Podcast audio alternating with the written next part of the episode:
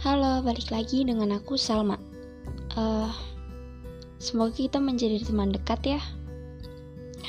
Iya, sedekat air dan ikan.